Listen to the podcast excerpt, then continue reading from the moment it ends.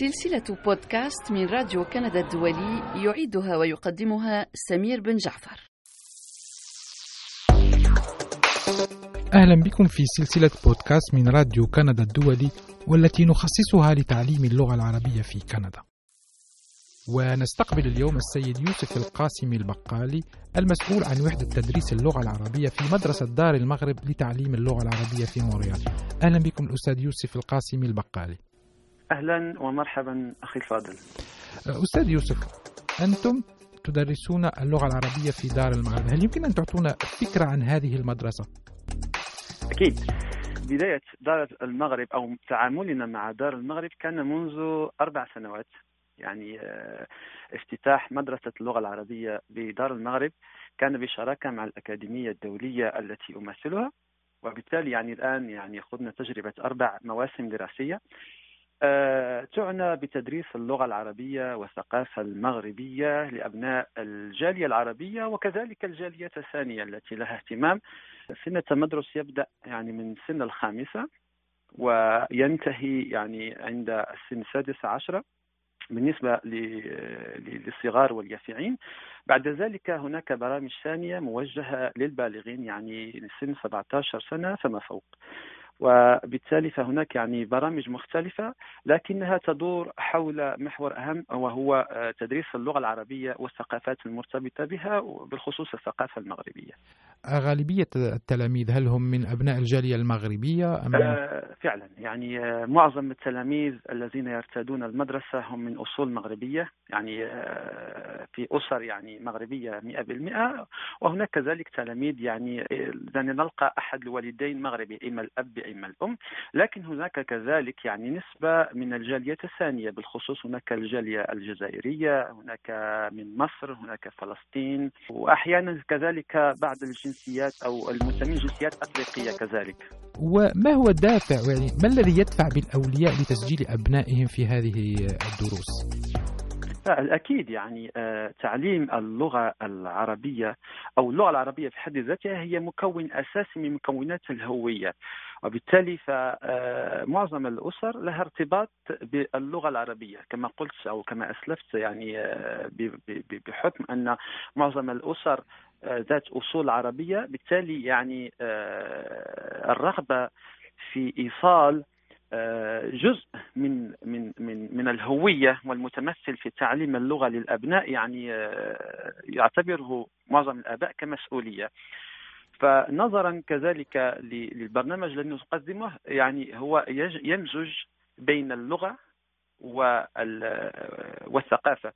وبالتالي فمعظم الآباء والأسر في معظم الأحيان يعني يجدون ضالتهم في هذه البرامج بحيث ين يعني التلاميذ يجدون يعني شيئا ما يجذر للهوية التي ينتمون إليها. يعني أيا كان الأصل سواء المغرب أو غيره بحكم أن معظم المسائل الثقافية هي جانب مشترك يعني من المغرب أو كما نقول يعني من المحيط للخليج. وفي هذا السياق ما هو المنهاج الذي تتبعونه؟ هل هو منهاج تأتون به من بلدان مثلا مثل المغرب أو منهاج خاص بكندا؟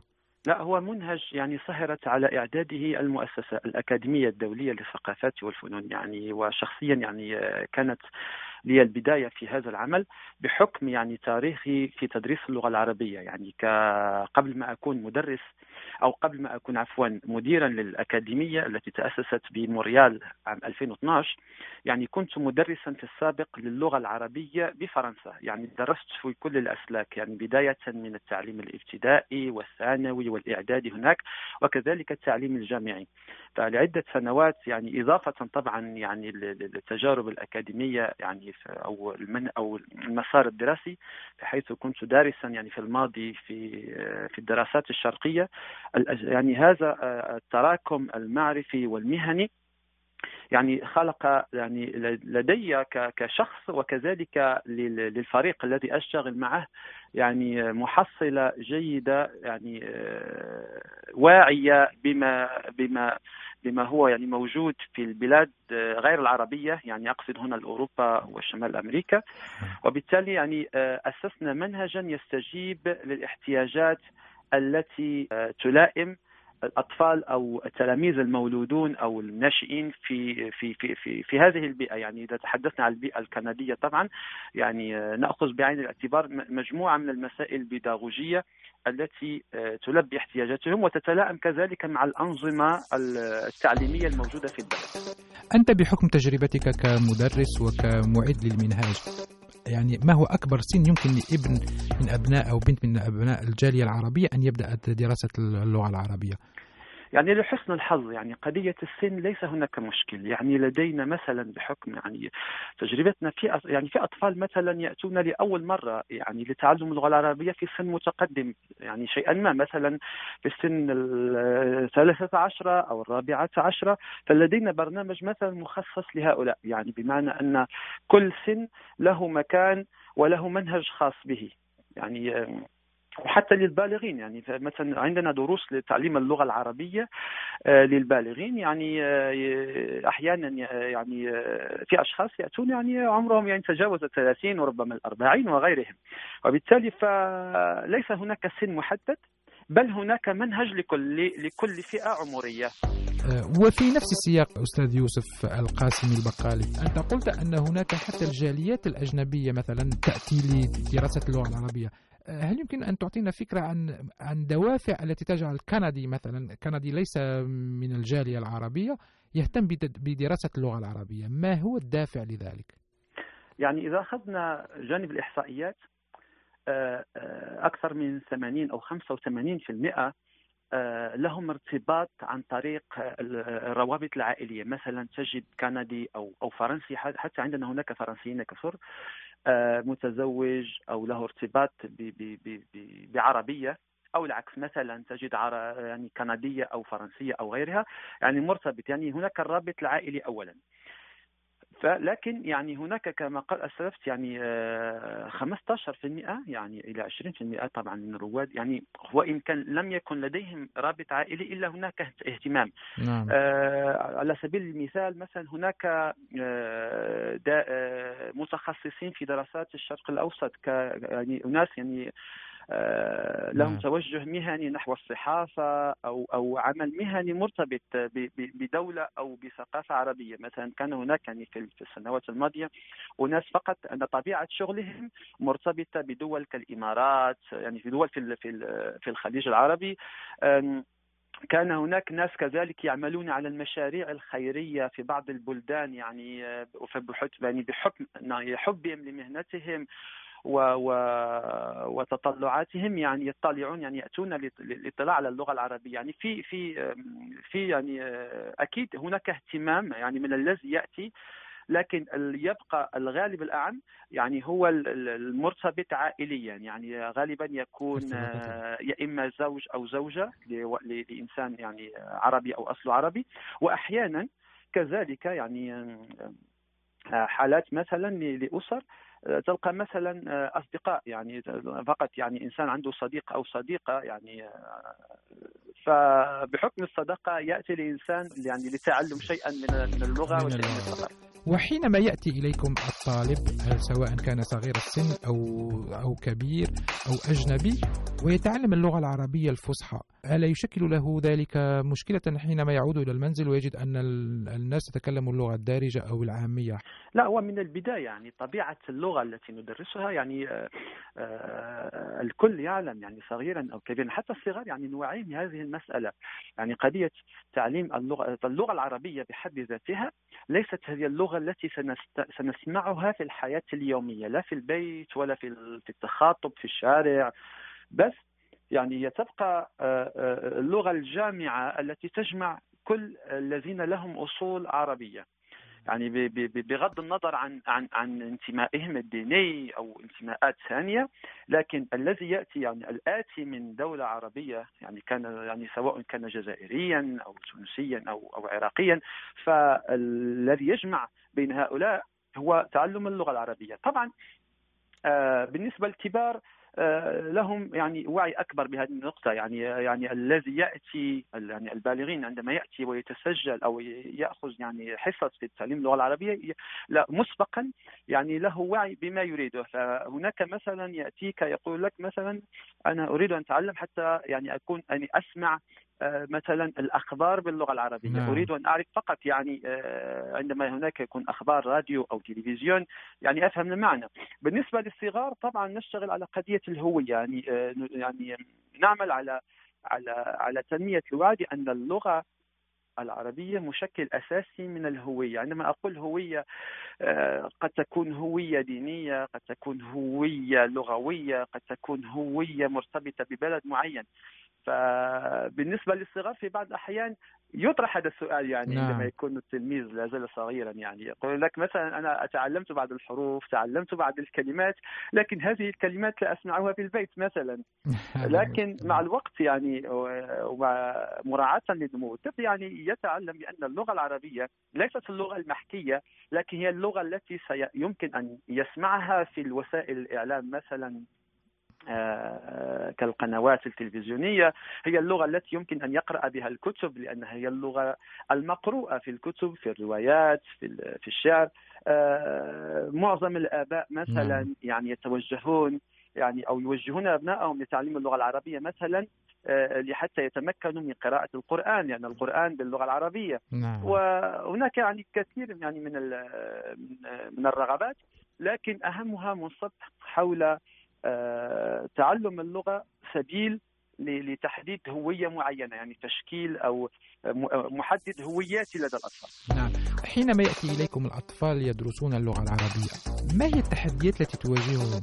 خاصة أنهم يعيشون في وسط فرنسي وإنجليزي أنا أتكلم عن أطفال الجالية العربية المقيمة هنا في كندا أكيد هناك تحديات كثيرة إحدى هذه التحديات كما أسلفنا قبل قليل قضية يعني استعمال اللغة. مثلا يعني هذه اللغة التي يتعلمها هي ليست اللغة التي سيسمعها في الاستعمال اليومي في البيت. هذا في على فرض أو إذا افترضنا أن داخل البيت مثلا الوالدين يتحدثون اللغة العربية. فهذه اللغة التي يتحدثها الوالدين هي لغة دارجة. قد تكون دارجة شمال أفريقيا أو دارجة مصر دارجة مصرية أو خليجية أو غيرها. نعم.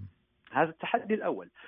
التحدي الثاني هناك عدد الساعات فبحكم أننا آه، بالنسبة للأطفال برامج تدريس اللغة العربية فقط تعطى في في نهاية الأسبوع يا إما يوم السبت أو يوم الأحد فهذا يبقى يعني نسبة ضئيلة جدا آه، يعني آه، يعني عدد الساعات التي أو المخصصة لتدريس اللغة أو المخصصة للمتلقي هي ساعات غير كثيرة.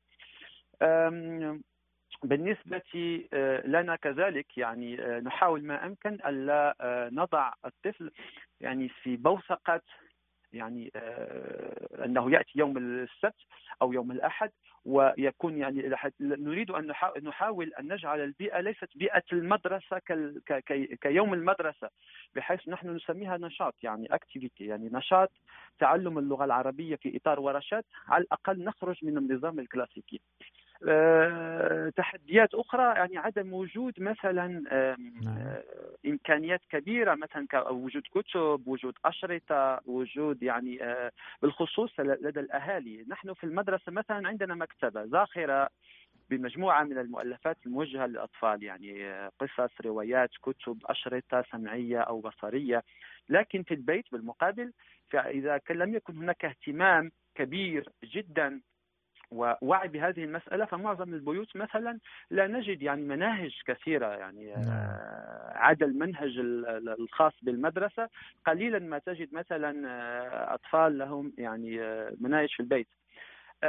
مسألة أخرى يعني من بين تحديات تحديات يعني تواجه الأطفال اهتمام الآباء. يعني معظم الآباء أو الأمهات أو يعني أولياء أمور التلاميذ في نهاية الأسبوع آه، بعد نهاية الحصة أو داخل الأسبوع كذلك آه، ليس كلهم لديهم ساعة الوقت والصبر كذلك لمرافقة التلميذ أو الطفل آه، في المراجعة أو أو أو إعداد التمارين إلى آخره. يعني مجموعة من من من من الإشكالات تعترضنا.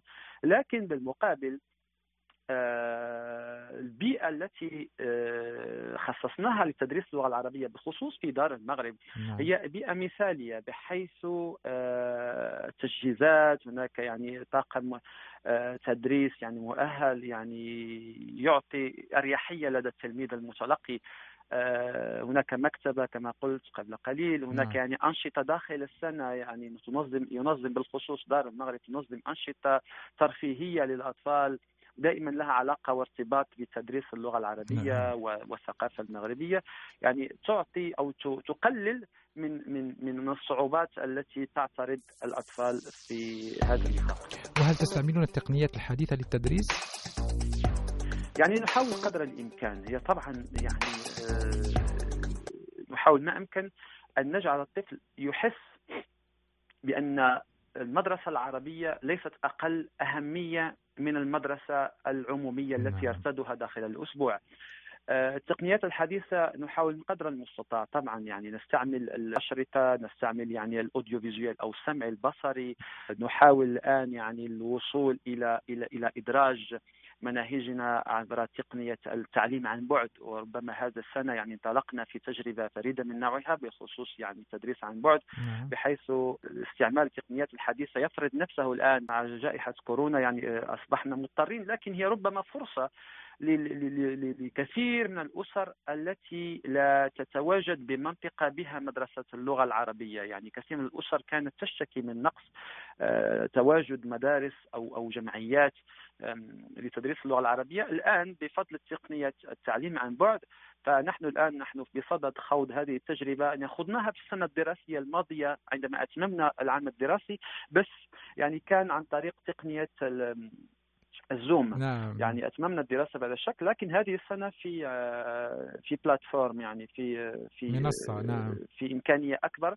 والأطفال والأسر يعني لهم الآن يعني فرصة أكبر للتزود ولتعلم اللغة العربية عن بعد. لكن طبعا يعني لا زال هناك الكثير من العمل في إطار توظيف التقنيات الحديثة كما هو معمول به في المدارس الرسمية. نعم.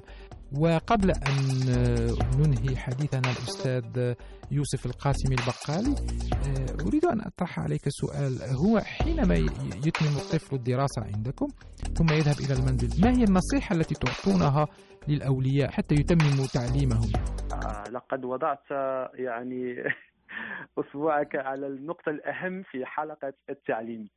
يعني آه تعليم اللغة العربية بالذات نعم. لا يمكن أن يؤدي إلى نتائج مرضية لنا ولا للأطفال ولا لأهاليهم إذا لم يكن هناك تعاون مثمر من جانب الأهالي.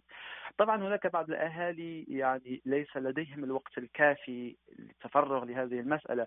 لكن كما قلت يعني تحتاج على الأقل أن يبدي الأهالي كذلك اهتمامهم لأن الطفل يستشعر قيمة الشيء من خلال تعامل الأهالي مع هذا الشيء. مثلا إذا كان هناك قلة اهتمام أو عدم اهتمام بمادة تدريس اللغة العربية والثقافة العربية من طرف الأهالي حتى الطفل لن يعطيه لهذه لهذه الدروس قيمة. وبالتالي أهم نصيحة هو تخصيص وقت وجيز جدا كل أسبوع. أحيانا أنا أقول مثلا بالنسبة للمتمدرس نعم. بين خمس سنين إلى غاية ال 15 يعني ال 15 أو 16 سنة آه، آه، يحتاج إلى إلى إلى إلى فقط مرافقة حصة في الأسبوع لا تتجاوز نصف ساعة. وهذا النصف ساعة يعني كافي جدا بحيث يشعر الطفل بأن هناك اهتمام. هذا واحد. النقطة الثانية ممكن يعني إضافة كذلك يعني آه هذا الاهتمام ممكن أن نضيف إليه يعني آه نوع من من التعامل مع اللغة العربية بحيث لو خصصنا جزءا من المكتبة وأنا أرجو وأطلب و, و, و ويعني آه من كل الأسر نعم. أن تكون لديهم مكتبة في البيت يعني كما يقول يعني المثل يعني الكتب في البيت حتى وإن لم تقرأ فمنظرها جميل. فما بالك إذا كانت هذه الكتب موجودة وتقرأ؟ فنخصص حيز جانب في هذه المكتبة للكتب العربية حتى منظرا. يعني أكيد أن الطفل لن يقرأ يعني الكتب الكبيرة لكن مجرد يعني وجود هذه الكتب سيعطيه يعني أنه يعني بديهيا سيشعر بأن هذه اللغة لها قيمة. ويعني ويعني بالنسبة للآباء أو الأمهات أو أولياء الأمور الذين يتقنون اللغة العربية فلا بأس. أن ياخذوا كذلك قسطا من الوقت أحيانا ويقرأ لطفله يعني رواية باللغة العربية يعني قصة أو جزء كما هي كما هو الحال مع الروايات بالفرنسية أو الإنجليزية نعم. أكيد الطفل ربما لن يفهم شيئا لكن وجود هذا الوجود العاطفي للأب أو الأم بجانب الطفل يربي لدى الطفل هذه يعني آه، آه، يعطي للطفل آه، آه، أو الطفل عفوا يعطي قيمة للغة العربية. يعني الاب أو الأم عندما يقرأ ممكن أن يترجم بعدها بالفرنسية ويعطي يعني آه، للطفل يعني كلمات مثلا يمكن أن يشرح بعض الكلمات المفتاحية في الرواية أو في ما هو مقروء. نعم. هذا يعني سيعطي للطفل يعني آه، اهتمام أكبر باللغة العربية. أحيانا ممكن كذلك أنا أقول دائما مرافقة الأهالي للأطفال.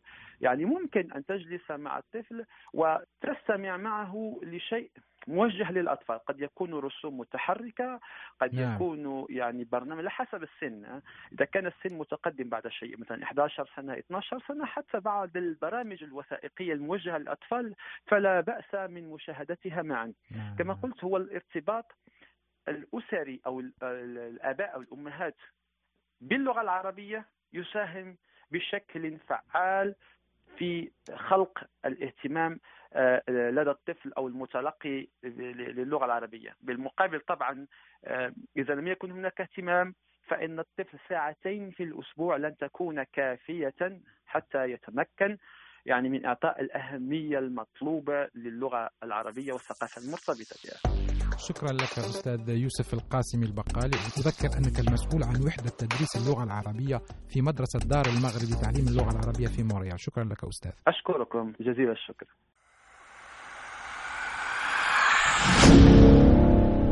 سلسلة بودكاست من راديو كندا الدولي يعيدها ويقدمها سمير بن جعفر.